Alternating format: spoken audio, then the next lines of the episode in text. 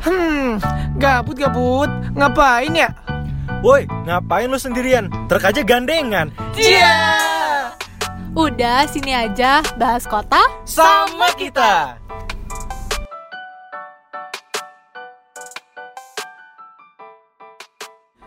Direkam langsung dari restoran cepat saji McD.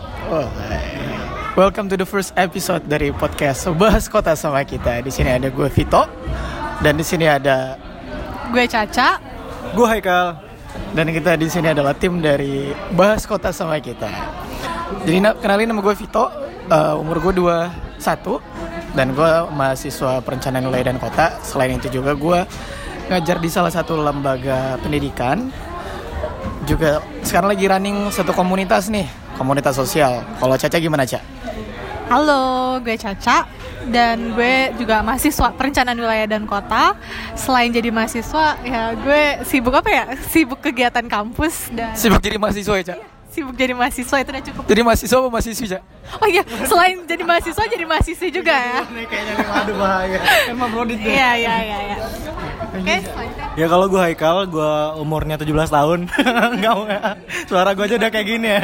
Enggak, umur gue 21 tahun, gue mahasiswa perencanaan wilayah dan kota sama kayak Vito dan Caca. Eh, mungkin aktivitas gue saat ini gue lagi bergabung di Broadcaster Academy Wits 2. Jadi kerjaannya kayak belajar tentang dunia broadcaster dan sedikit-sedikit tentang siaran kayak gitu. Sip, mantap. Itu sekilas tentang background kita nih. Nah, eh karena ini episode pertama kita mau kenalan dulu apa itu podcast Bahas Kota sama kita. Jadi sebenarnya Bahas Kota sama kita ini adalah suatu gagasan kita bersama tentang how to educate teman-teman atau lebih sebenarnya instead of educate, lebih kita menyentil perilaku teman-teman sebagai masyarakat kota gitu. Jadi kita bakal bawa fact dan apa ya dan pengalaman kita pribadi gimana sih sebenarnya sebagai masyarakat masyarakat kota kita bisa mempengaruhi kota itu sendiri ya nggak sih ya nggak kak Betul banget karena emang maksudnya eh, tanpa kita sadarin perilaku kita itu sangat berpengaruh gitu buat kota. Apa aja apa aja kegiatan yang kita lakuin sebenarnya tanpa kalian sadarin itu sangat berpengaruh buat eh, suatu kota gitu sih. Ih Caca kenapa nih Caca kayaknya deg-degan ya kalau kita parah banget jomblonya ya. Iya dong. Iya, jadi eh, untuk podcast ini kita bakal ngebahas hal-hal yang sebenarnya eh, kadang nggak terbersit di otak kita, di benak kita. Kalau itu tuh sebenarnya adalah sesuatu perilaku yang impactnya tuh besar gitu ya bagi kota yang kita tinggali seperti itu. kalau lo sendiri sebenarnya kotanya asli mana cak ntar gue makan dulu ya Enak ya. Jadi gue tuh asli dari kota Metro ya kan, udah pada tahu semua kan, kota eh, sebuah kota kecil di provinsi Lampung. itu kota apa subway metro itu beda Kok kota apa subway itu bukan kalau dari mana? Kalau gue asalnya dari kota Pempek, wah pasti udah tahu kan, mungkin udah pernah. oh itu Kalimantan Wih pak, jauh pak, ya, beda dong. Ini namanya Palembang, wah, wah. Udah pasti pernah makan cuko kan? cukup despacito makan pempek tak pakai cuku. Oke. Kita sebenarnya di sini punya topik besar di podcast kita seluruhnya yaitu tentang tragedy of the common. Buset, udah kayak orang tuh? Udah kayak orang Inggris Oh, iya, makanya tragedi of kamu tuh bahaya gak sih kayaknya? Tragedi kehidupan. Tragedi, Lebih parah daripada Tragedi jomblo ya. tragedi kejombloan. Kenapa sih kamu jomblo mulu yang di bawah ya? makanya Lagi karena- nyari ya? Iya, sebenarnya siapa tuh yang dengerin Oh, ada iya, berminat ya. gitu kan, bisa langsung kontak ya kan. M Haikal gitu kan, Trinanda. Hashtag Haikal jadi jodoh. Tapi podcastnya ngebahas itu intinya ya, bukan ngebahas kota. Ya balik lagi, balik Oke, lagi. oke. Eh, Oke, Kal, kalau menurut lu tragedi of the common itu apa sih? Jadi kalau menurut gue tragedi God of Common itu salah satu bentuk peristiwa yang ya sebenarnya kayak suatu hal yang terjadi tapi bisa mempengaruhi secara umum, secara luas sih kalau simpelnya kayak gitu sih. Iya benar banget sih kalau kalau menurut gue pribadi tuh kayak tragedi the common itu lebih kayak bagaimana lo sebagai manusia itu ya lo tidak memanfaatkan suatu barang umum itu secara semena-mena. Namanya juga tragedi of the common gitu kan. Iya, jadi kalau secara teori sendiri, tragedy of the common ini tuh adalah problem sebenarnya. Economic problem atau permasalahan di dari sisi ekonomi gitu. Pertama kali ditemuin oleh seorang eh, ahli ekonomi asal eh, Inggris, British economist, yaitu namanya William Forster Lloyd. Di tahun 1833. Nah, ini dia simpel banget. Dia jadi melihat perilaku masyarakat itu saat uh, para masyarakat menggembala kambing itu mengambil rumput dari uh, suatu lahan yang itu memang uh, milik publik gitu lahan bersama gitu. Tapi orang-orang uh, lain juga berpemikiran sama gitu. Jadi semuanya sama-sama uh, mengambil dan eksploitasi rumput yang ada di sana tanpa memikirkan dampak lingkungan yang bakal terjadi ke depannya gitu. Terus uh, setelah di tahun 1833 itu pada tahun 1968 uh, teori ini dikembangkan lagi dituliskan oleh Gareth Hardin itu seorang ahli ekologi yang berbicara tentang uh, bahaya uh, overpopulasi dari manusia gitu. Jadi salah satunya di dalam penggunaan sumber daya ini yaitu di teori uh, tragedy of common ini. Cocok udah jadi cocok jadi dosen emang Caca nih ya. ya Tapi ya bener sih kayak uh, si Om William Forster ini dia melihat Om, Om. Iya tetangga pak. Tetangga. Jadi uh, ini suatu apa ya suatu perilaku masyarakat yang sampai sekarang pun masih terjadi itu. Tidak bisa dipungkiri sih pasti bakal terjadi. Hmm, kayak gue inget banget pas gue kecil tuh gue mengembala kambing tuh. Oh, Tasya bukan? Iya libur telah tiba iya iya. Oh bukan ya salah lagu jadi gue pas kecil tuh gue sama paman gue uh, mengembala kerbau sih sebenarnya. Kita bawa ke ke lahan bersama dan rame. Kebonya tuh gue aja waktu itu sama teman-teman uh, sama paman gue bawa empat belum lagi tetangga gue bawa lima, ada yang bawa sepuluh, ada yang bawa kambing, anak bebek, harimau, singa, ular, ular dadar lah, kebanyakan. Jadi iya benar sih itu perilakunya. Kalau misalnya semua ngambil di situ ya bisa habis juga rumputnya gitu kan ya dan mungkin juga mungkin pengaruhnya ya gitu. Jadi semakin kan nggak adil dong. Maksudnya kayak lo misalnya lo punya kambing atau punya domba tiga terus gue punya domba dua ya jelas kan otomatis kan lo lebih banyak dong yang menggunakan atau mengeksploitasi dari tanaman ataupun rumput itu tadi kan. Jadi kayak itulah mungkin jadi tragedinya di situ. Jadi ada ada rasa kayak wah kayak lo menggunakan lebih banyak nih dibanding gue. Dan sedangkan gue cuma nggunain dikit gitu kan buat kambing-kambing gue kayak gitu kamu jadi intinya itu uh, bagaimana uh, tragedi ini terjadi karena gimana suatu individu dalam suatu kelompok itu mementingkan kepentingan dia sendiri gitu kan. Kayak kita mengembala kambing berarti itu untuk ya kepentingan kambing-kambing kita gitu. Kita tidak pernah memikirkan uh, efeknya untuk uh, di masa depannya untuk kita bersama seperti itu. Cakep Nah, kenapa nih kita ngebahas tentang tragedy of the common sedangkan kita mau bahas kota? Padahal tadi udah sempat dibahas sama Caca bahwa tragedy of the common tuh salah satu uh, peristiwa ekonomi. Karena sebenarnya itu tragedy of the common itu sangat luas cakupannya. Uh, salah satunya makin ke sini tuh term tragedy of the common itu semakin sering dipakai di environmental science field. Salah satunya tentang sustainable development. Jadi bagaimana sih manusia itu bisa memanfaatkan sumber daya alam yang ada atau sumber daya manusia yang ada itu nggak semena-mena hair dryer ganggu banget ya pak ya? Enggak, ini emang kayaknya ada lagi ada tornado sebenarnya di sini. Jadi kita melaporkan sedang ada tornado besar di MCD ini. Di sini lagi warga waspada ya. Jadi maklum ini ada tornado di sini. Selalu, selalu duduk kita, nggak apa-apa, nggak apa-apa rencananya di ujung biar nggak kedengeran kan biar bisa sepi ternyata ini kejadiannya kan. Deket toilet tadi kita mau di parkiran cuma takut kayak di sirkuit sentul lah ya pak ya. Tapi ya udahlah ya.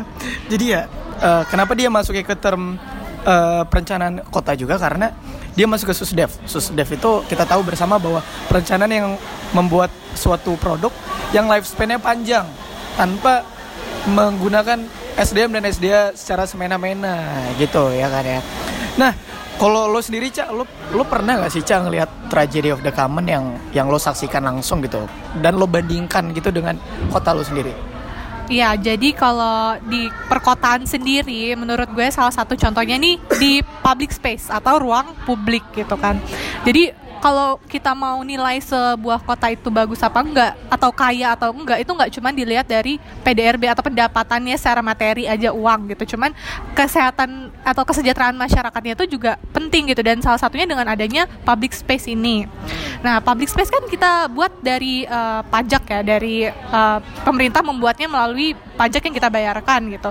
Dan itu uh, tempat tersebut uh, ruang publik tersebut uh, bebas digunakan oleh masyarakat yang ada di kota gitu kan tapi banyak kejadiannya uh, di Indonesia nih ya masih banyak yang belum bisa memanfaatkan public space itu dengan maksimal atau dengan baik gitu.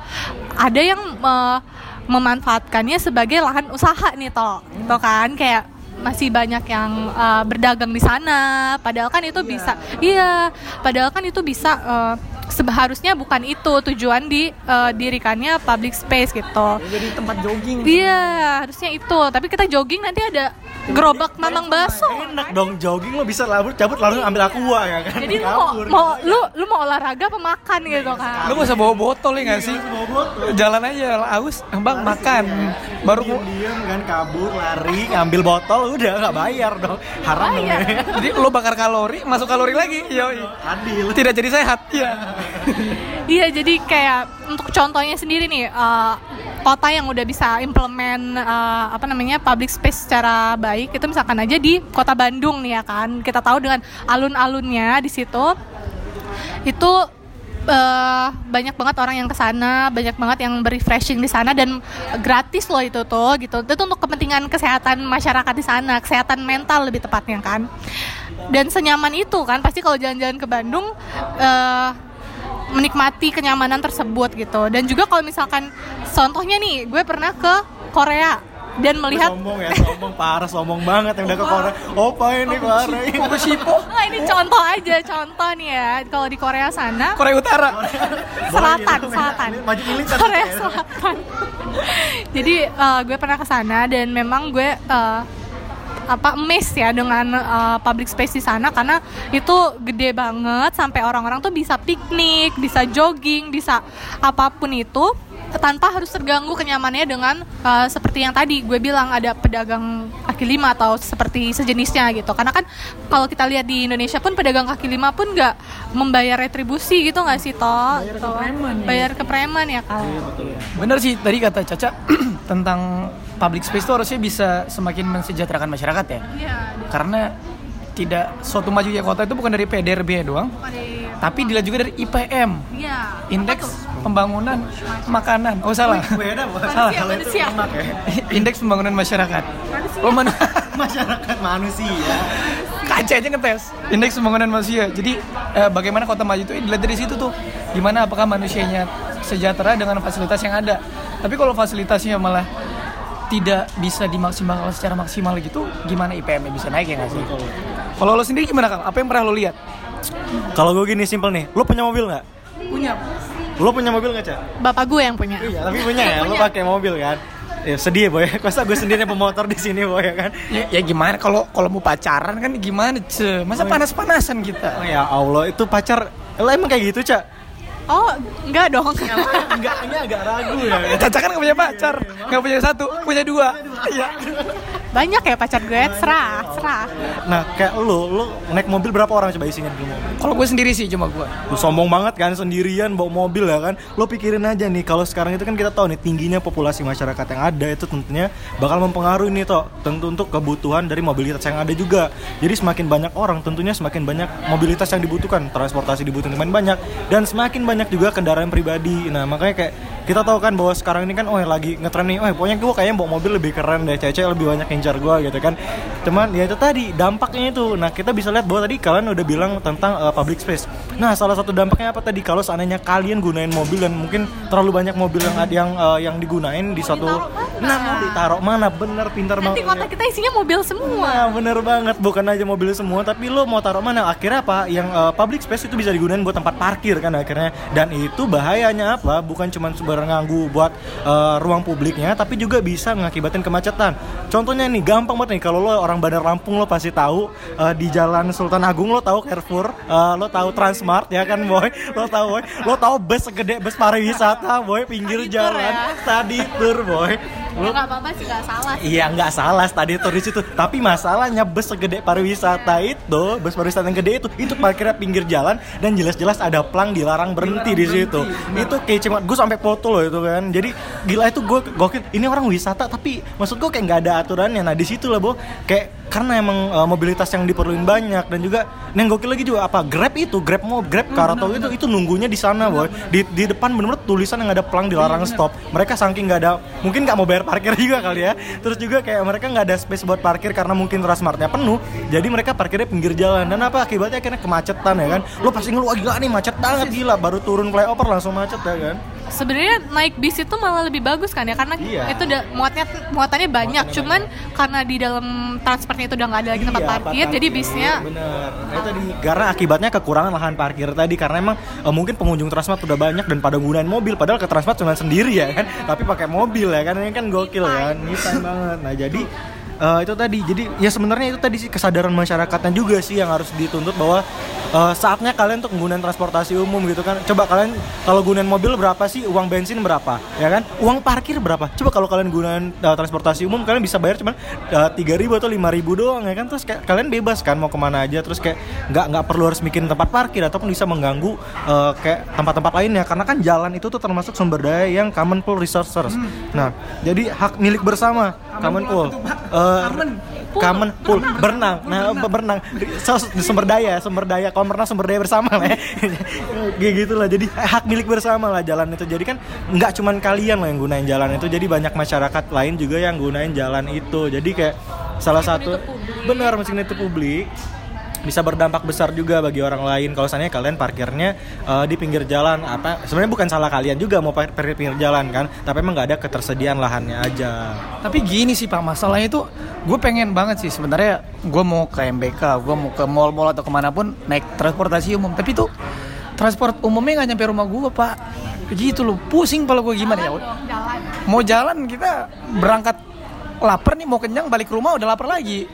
Bener banget ya kan? Jangan kan lo toh Gue juga iya toh Gue mau ke ITERA jalan dulu toh Nyebrang pekor toh Yakin nggak ada rutenya. Nah tapi itu Itu berarti tugasnya pemerintah. Jadi tugasnya pemerintah buat nyedain transportasi publik Yang emang bener-bener kayak Bisa ngejangkau eh, Berbagai daerah Atau berbagai tempat tinggal Yang kayak permukiman Ataupun dari fungsi-fungsi lain kawasan gitu. Dan nggak cuma tugas pemerintah sih kita juga harus sadar untuk memanfaatkan uh, dan mendukung ya transportasi umum yang nanti insya Allah semoga disediakan oleh pemerintah. Amin Eh, Dukung kami menjadi Ya kan Jawa tahu ya kan Haikal satu, Chania dua.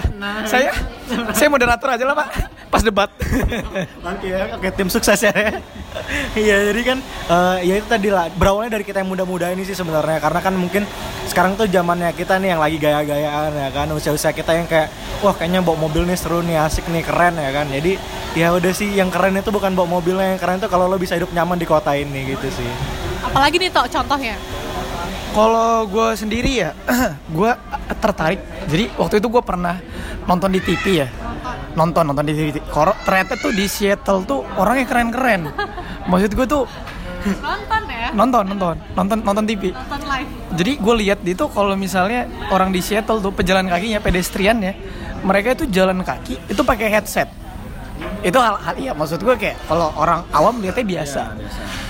Cuma lo bayangin deh, lo di Bandar Lampung, lo jalan kaki tuh di trotoar nggak pakai headset kena tumbur boy. Langsung ya. Boro-boro lo pakai headset gitu kan. Lo bakal kena jeritin orang-orang atau bahkan dicaci maki atau gimana. Tapi kalau di Seattle tuh pas gue nonton tuh, di sana orang-orang tuh jalan bebas, pakai headset aja volumenya gede dan mereka nyebrang jalan pakai headset. Cuma ibarat Kan nonton. Iya, kok bisa tahu sampai ya? volume-volumenya Wah, sebenarnya kan. ini 2019, 2019. Iya, virtual reality. Lu Ya. ke sana ya ya. Nonton, nonton. Oh, nonton ya. Iya, nonton, nonton. Detail ya, film apa tuh, Tok? Di di situ lah. Nah, orang di sana itu bisa jalan tuh tan- tanpa tanpa takut mereka akan ditumbur gitu loh. Kalau secara gue lihat secara ilmu kepwk ilmu tata kotanya, itu adalah suatu hal yang menakjubkan. Suat, seorang pejalan kaki atau rombongan pejalan kaki, mereka bisa jalan dengan nyaman dengan hanya bisa menggunakan indera penglihatannya doang tanpa mereka mendengarkan mendengarkan klakson sama sekali. Karena tuh ya ketika gue nonton ada orang mau, nyebrang tuh dan ada mobil tuh dari jauh tuh ngebut banget. Dan ketika dia nyebrang itu waktu itu posisinya nggak ada nggak ada lampu merah. Dan ketika dia jalan dia mau nyebrang mobil itu berhenti sendiri Mungkin kalau menurut gue sih sebenarnya bukan karena itu tapi kayak emang eh, masyarakatnya sendiri udah ngerti gitu, udah paham bahwa kayak mereka udah aware loh ternyata ada ada ada yang didahulukan pejalan kaki itu harus didahulukan di sana dan juga kayak mereka nggak nggak takut ditumbur karena emang maksudnya kayak emang udah difasilitasi dan mungkin udah ada keamanannya di situ, mungkin udah ada eh, eh, kebijakan juga yang ngatur tentang itu. Jadi kayak mereka ngerasa aman buat jalan pakai headset ataupun apa. Tapi kalau Indonesia bahaya sih kayaknya ya. Itu tuh, jadi benar banget tuh. Jadi si pengendara mobilnya itu mereka sudah aware bahwa itu jalan milik bersama, milik mobil dan juga milik manusia sebagai pejalan kaki. Jadi mereka sadar untuk mendahulukan si pejalan kaki. Itu kalau misalnya gue coba sambung-sambungin dengan teori teori konstipasi, wih, konspirasi, konstipasi mulu Konspirasi ya, konspirasi bukan bukan.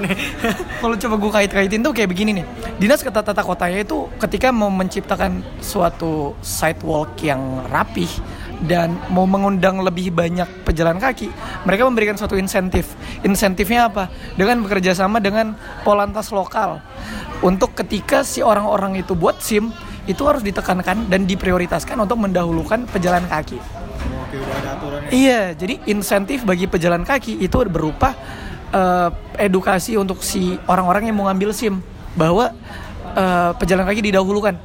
Dan ketika si pengendara mobilnya diajarkan seperti itu, secara tidak langsung juga itu memberikan mereka disinsentif bahwa bahwa mobil nggak bisa semena-mena. Lo harus lebih pelan. Lo nggak bisa lebih cepat daripada bus. Bus bisa nerobos semua merah atau bisa jalan lebih cepat. Tapi lo sebagai mobil nggak. Lo harus stop ketika lo merah. Lo harus stop ketika ada jalan. Bahkan anjing lewat lo harus stop. Berarti di Seattle nggak ada nembak SIM ya? sim nembak SIM nembak. SIM. Berarti kalau ada SIM nembak ya berarti susah dong. Mereka nggak ada dapat edukasi itu dong ya kan? Kalau di sini gimana pak? Ya kalau di sini sesuai realita ya. Kita ya kalau udah ikut tes ya, ya gitulah. ya. Ya kalau SIM saya nembak ya pak ya? Hah? Kalau SIM bapak nembak apa? Kalau SIM saya ditembak ya. bukan Haikal ini emang lagi nyari ya emang ya. Iya. kita ditembak Siap siap siap siap. Nah ya kurang lebih gitu sih eh, yang mau gua yang mau gua sampaikan dan tekankan dari eh, dari peristiwa itu bahwa ketika lo pengen menyelesaikan atau mengurangi permasalahan terjadi di common, lo harus bermain policy di situ. Lo harus bisa mengatur behavior manusianya sendiri. Yang salah satu caranya dengan insentif dan din- dan disinsentif. Salah satunya mungkin kayak gitu ya. Jadi kalau seandainya pemberian insentif dan insentif, jadi ada seandainya mereka ngerasa oh pa- pas gue ngelakuin tindakan bener gue diapresiasi loh dan gue sering ngelakuin kesalahan ada ada sanksinya di situ. Jadi ada efek jerahnya di situ. Nah, dan mungkin itu yang bisa jadi kayak eh, suatu pelajaran dan suatu eh, ya salah satu cara loh untuk ngubah dari perilaku manusia tadi. ya Caca gugup nih parah nih. Lo gara-gara mau gue tembak ya? Hah? lupa gue mau ngomong apa tadi ya lupa Apa? gue Oh, lo mau ngomong udah nyatain aja, lanjut Ca. lanjut lanjut lanjut, lanjut. Oke, jadi ya ini bakal jadi topik kita selanjutnya nih di podcast episode berikutnya tentang insentif dan disinsentif. Cuma eh, kita mau tegasin lagi ke teman-teman bahwa tragedy of the common is real. Beneran terjadi, it does exist gitu. kadang nggak kita sadar kadang nggak kita sadari ya kita melakukan hal tersebut karena yang kita perlakukan tersebut adalah barang publik gitu loh barang umum yang ya itu terserah gue dong mau ngapain gitu kan hak hak gue lo nggak berhak ngatur. Tapi ternyata eh, impactnya tuh eh, besar di kemudian hari seperti itu dampak buruknya. Karena dari tragedy of the common karena dari tragedy of the common itu ada lagi tuh yang timbul eksternalitas negatif. eksternal Udah kayak orang pinter bener gue ya pak ya. Gila udah kayak orang pinter gue. Eksternalitas negatif. Nah apa itu eksternalitas negatif? Suatu perilaku yang merugikan orang lain. Jadi ketika lo melakukan sesuatu Orang lain merugi gitu. Jadi kayak Tadi tuh lo ngebut-ngebutan di jalan. Lo akan merugikan pejalan kaki. Lo eh, bawa mobil sendirian tuh Merugikan orang lain Lahan parkir tidak tersedia Kebanyakan kendaraan. Lo mau dagang tapi suka-suka jadi di public space-nya penuh dengan pedagang. Nah itu eksternalitas negatif yang timbul akibat tragedy of the common Berarti kalau ada yang negatif ada yang positif juga ya pastinya nih ya. jadi kalau misalnya ada yang sendiri ya harusnya ada yang berdua gitu loh. Benar banget ya guys. jadi kalau Caca sendiri harusnya Caca berdua Oke, jadi eh, banyak sebenarnya yang mau dibahas ya bisa dibahas dari tragedy of common aja gitu nggak bakal cukup satu jam nggak bakal cukup kali ya kalau mau dibahas terus Kita aja kuliahnya sampai berapa pertemuan itu Pak ya? Lu nggak tahu ini udah tiga setengah tahun boy belajarnya ya kan. Aduh, baru paham terjadi rekaman sekarang. Oke, kalau gitu em, kurang lebih itu deh pembahasan kita hari ini. Soalnya kita Semoga bisa meningkatkan awareness ya masyarakat semua yang pendengar semua ini uh, untuk lebih uh, memi- memikirkan lah impact dari perilaku kita yang kita ambil. Dan eh, mungkin lo udah bisa pikirin ya, ini lo salah satu eh, penyumbang terjadinya tragedi of common atau bukan ya nggak sih boy? Jadi lo bisa, ya coba ngerasa-ngerasa, eh, kayaknya gue pernah parkir nggak ya pinggir jalan Transmart itu ya? gue pernah nggak ya apa apa menjenggojek di Transmart gitu kan? Nah itu mungkin berarti lo menjadi salah satu penyumbang terjadinya itu. Nah jadi buat gue sih eh, rugi banget kalau kalian nggak dengerin podcast ini dan nggak akan mendengarkan yang selanjutnya karena kita bakal ngasih banyak info menarik buat kalian, banyak pengetahuan dan juga tentunya ini untuk membuat dunia menjadi tempat yang lebih baik nggak sih boy? Ya nggak? Bukan dunia sih, kota, yang Kota, kita tempat tinggalin ini ya lebih tepatnya. Dunia luas ya, kan luasan ya kalau dunia. Kalau dunia kita, Iya. Dulu gue loading. Kacau. Oke, thank you banget buat teman-teman yang udah dengerin podcast bahas kota sama kita. Dan sebelum kita tutup, kita ada tagline ya. Ya udah mau tutup ya? Udah mau tutup. Hah, beneran nih? Iya pak. Oh sejam lagi deh, bisa nggak sih? Biar bisa duduk lama-lama sama Caca ya pak. Iya. lo ini sampingan lo gue, nanti gue pap ya. Oke, thank you banget. Dan tagline kita terakhir adalah sekarang udah tahu mau berubah nggak? Mau berubah nggak? Mau nggak? Oke, goodbye. Bye. Bye.